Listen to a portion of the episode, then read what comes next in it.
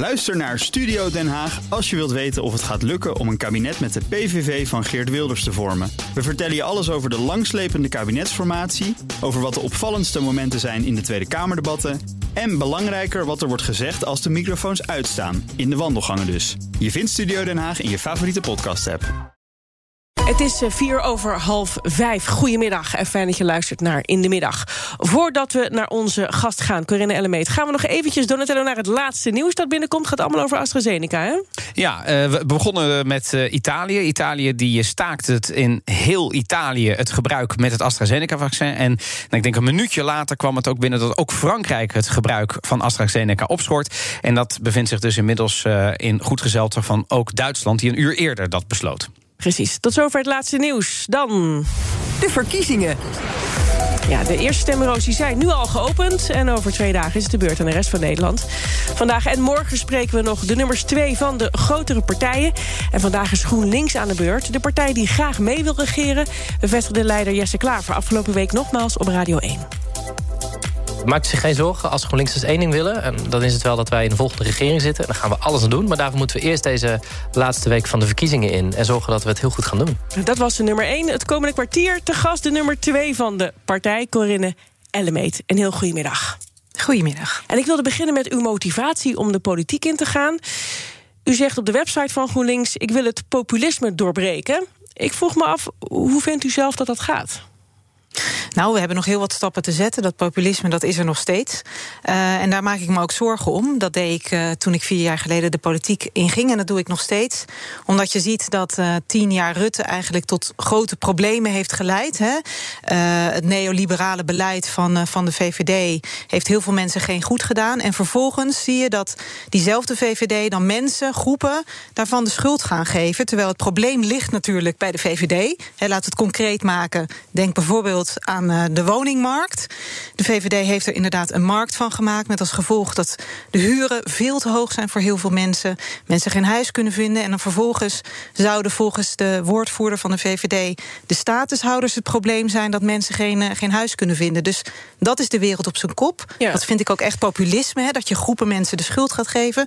Terwijl de oorzaak eigenlijk van het probleem...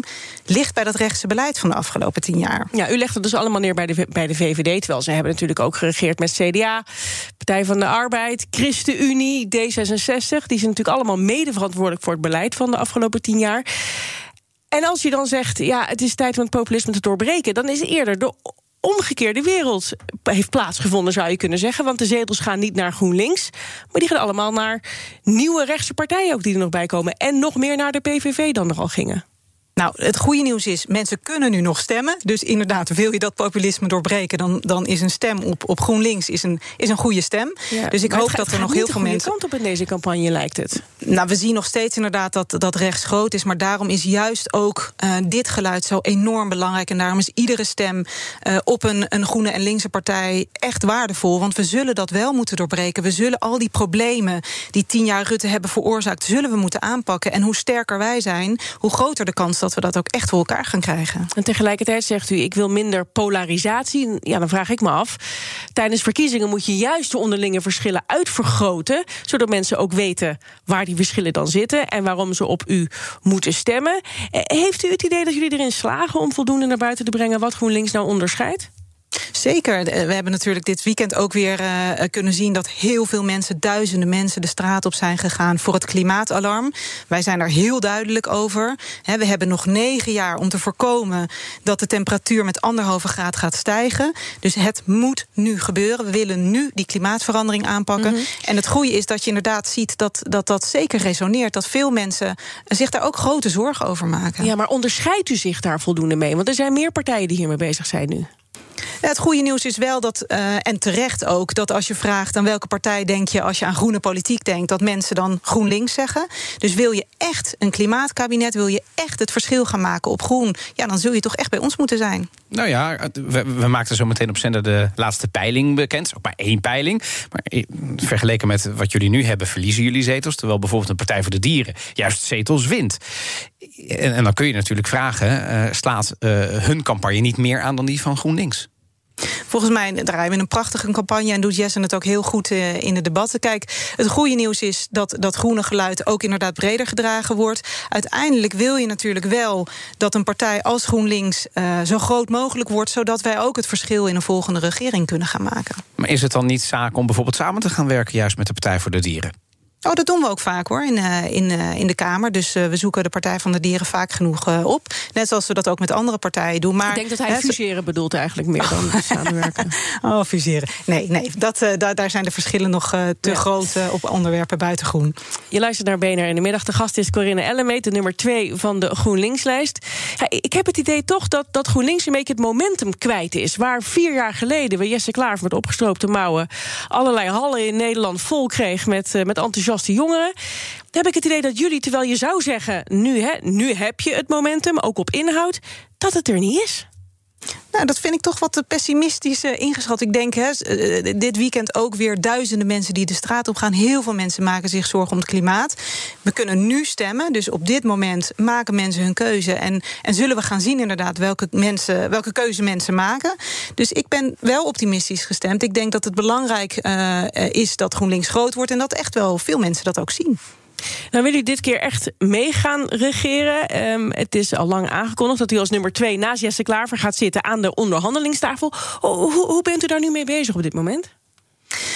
Nou, we zijn er heel serieus mee bezig. We hebben een, een, een, gesproken, intensief gesproken met groene partijen in andere Europese landen. Het goede nieuws is natuurlijk dat je zou kunnen zeggen: er is een hele grote groene familie in Europa. Uh, we hebben ook natuurlijk weer de afgelopen dagen gezien dat ook in Duitsland er een enorm mooi resultaat neergezet is door de groenen. Uh, dus we hebben ook bij hen uh, ervaringen opgehaald. Wat hebben jullie nu goed gedaan en wat hebben jullie nu slecht gedaan ja, in jullie onderhandelingen? Schumelende CDU'ers, geloof ik, hè? dat hielp ook. Nou, dat is, echt, dat is echt niet het enige. We hebben een over, echt een heel overtuigende winst natuurlijk gezien van, uh, van de Groenen. Maar het is voor ons natuurlijk interessant om ook van hen te leren. Wat hebben zij nu slim gedaan? Wat hebben ze wat minder slim gedaan in die onderhandelingen? En, mm -hmm. en wat kunnen wij meenemen? Ja, en wat heeft u daarvan dan geleerd? Wat, wat neemt u mee straks naar die onderhandelingstafel dan? Nou, een paar dingen. Kijk, wat ze bijvoorbeeld aangeven is... zorg dat je je prioriteiten heel scherp hebt. Uh, de groene um, partijen delen met elkaar... dat ze de wereld willen verbeteren en willen veranderen. En als je niet uitkijkt, kom je met een waslijst van 200 punten... Mm -hmm. aan die onderhandelingstafel. Dus ze geven ook heel duidelijk aan... zorg dat je je prioriteiten heel scherp hebt. Dus daar zijn wij bijvoorbeeld uh, druk mee bezig. En zorg ook dat je je eigen partij goed meeneemt. Ja. En dat doen we ook. Maar de vorige keer stonden de prioriteiten dan te scherp?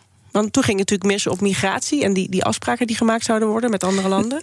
Nou, ik zou niet willen zeggen dat dat aan die prioriteiten lag. Kijk, dat waren natuurlijk echt wel andere tijden. Je zag dat uh, de Partij van de Arbeid toen nog zijn wonden likte. Dat er een duidelijk sterk rechtsblok was. Um, en dat wij onvoldoende, D66 en GroenLinks, elkaar onvoldoende vasthielden. In die zin ben ik echt optimistisch gestemd. Ik denk dat de tijden nu anders zijn. We werken prettig samen met de Partij van de Arbeid, die er ook weer echt voor, vol gaat. En dat geldt ook uh, voor D66 en ook met de SP. Dus de tijden zijn anders en daarom ben ik ook optimistisch gestemd. Ja, maar toch denk ik niet dat die andere partijen meteen staan te springen om, om te zeggen van nou, we, we verbinden ons aan GroenLinks aan die formatietafel per se.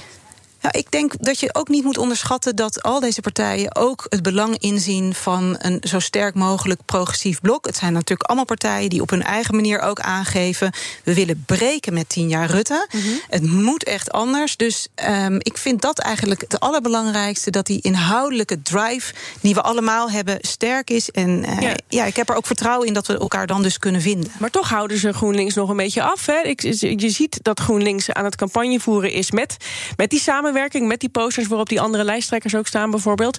Terwijl die andere lijsttrekkers van die partijen, D66 bijvoorbeeld, zeggen: Nou ja, we hoeven niet per se met GroenLinks.